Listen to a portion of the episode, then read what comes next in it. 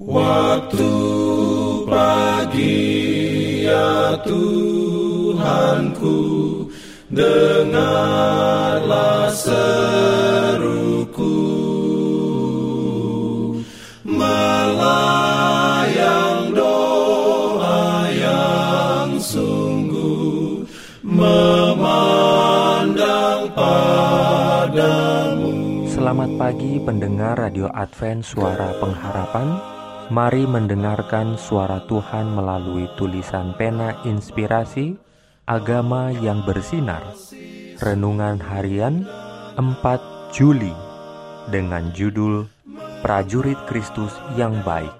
Ayat inti diambil dari 2 Timotius 2 ayat 3 dan 4 Firman Tuhan berbunyi Ikutlah menderita sebagai seorang prajurit yang baik dari Kristus Yesus seorang prajurit yang sedang berjuang tidak memusingkan dirinya dengan soal-soal penghidupannya, supaya dengan demikian ia berkenan kepada komandan. perlindungan dalam pimpinannya. Urayanya sebagai berikut.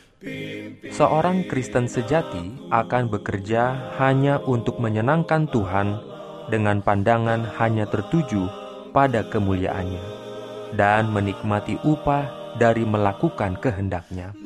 Kasih bagi jiwa-jiwa yang untuknya Kristus telah mati akan mengarah pada penyangkalan diri dan kesediaan untuk membuat pengorbanan apa pun untuk menjadi rekan kerja Kristus dalam penyelamatan jiwa-jiwa. Kekuatan prajurit sebagian besar diukur dengan efisiensi orang-orang di barisan.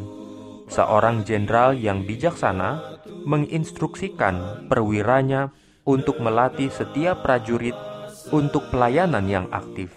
Dia berusaha untuk mengembangkan efisiensi tertinggi di semua pihak. Dia mengandalkan pelayanan setia dan tak kenal lelah dari setiap orang di pasukannya. Demikian pula dalam pasukan Pangeran Immanuel, jenderal kita yang tidak pernah kalah dalam pertempuran, mengharapkan pelayanan yang rela dan setia dari setiap orang yang terdaftar di bawah panjinya. Tidak ada seorang dapat maju di dalam pekerjaan Allah kecuali seluruh hatinya berada di dalam pekerjaan itu dan ia menganggap segala sesuatu itu kerugian demi keutamaan pengetahuan tentang Kristus. Tidak seorang pun yang masih mempunyai cadangan dalam hidupnya yang dapat menjadi murid Kristus ataupun menjadi teman kerjanya. Apabila manusia menghargai keselamatan yang besar itu, maka pengorbanan diri yang dilihat di dalam kehidupan Kristus akan terlihat dalam hidup mereka itu juga ke mana saja ia pergi, dengan gembiranya mereka itu akan mengikut dia. Amin. Diberikannya perlindungan dalam pimpinannya. Pimpin. Jangan lupa untuk melanjutkan bacaan Alkitab sedunia. Percayalah kepada nabi-nabinya yang untuk hari ini melanjutkan dari buku Mazmur pasal 59. Selamat beraktivitas hari ini. Tuhan memberkati kita semua. Jalan kewajiban, jalan keselamatan.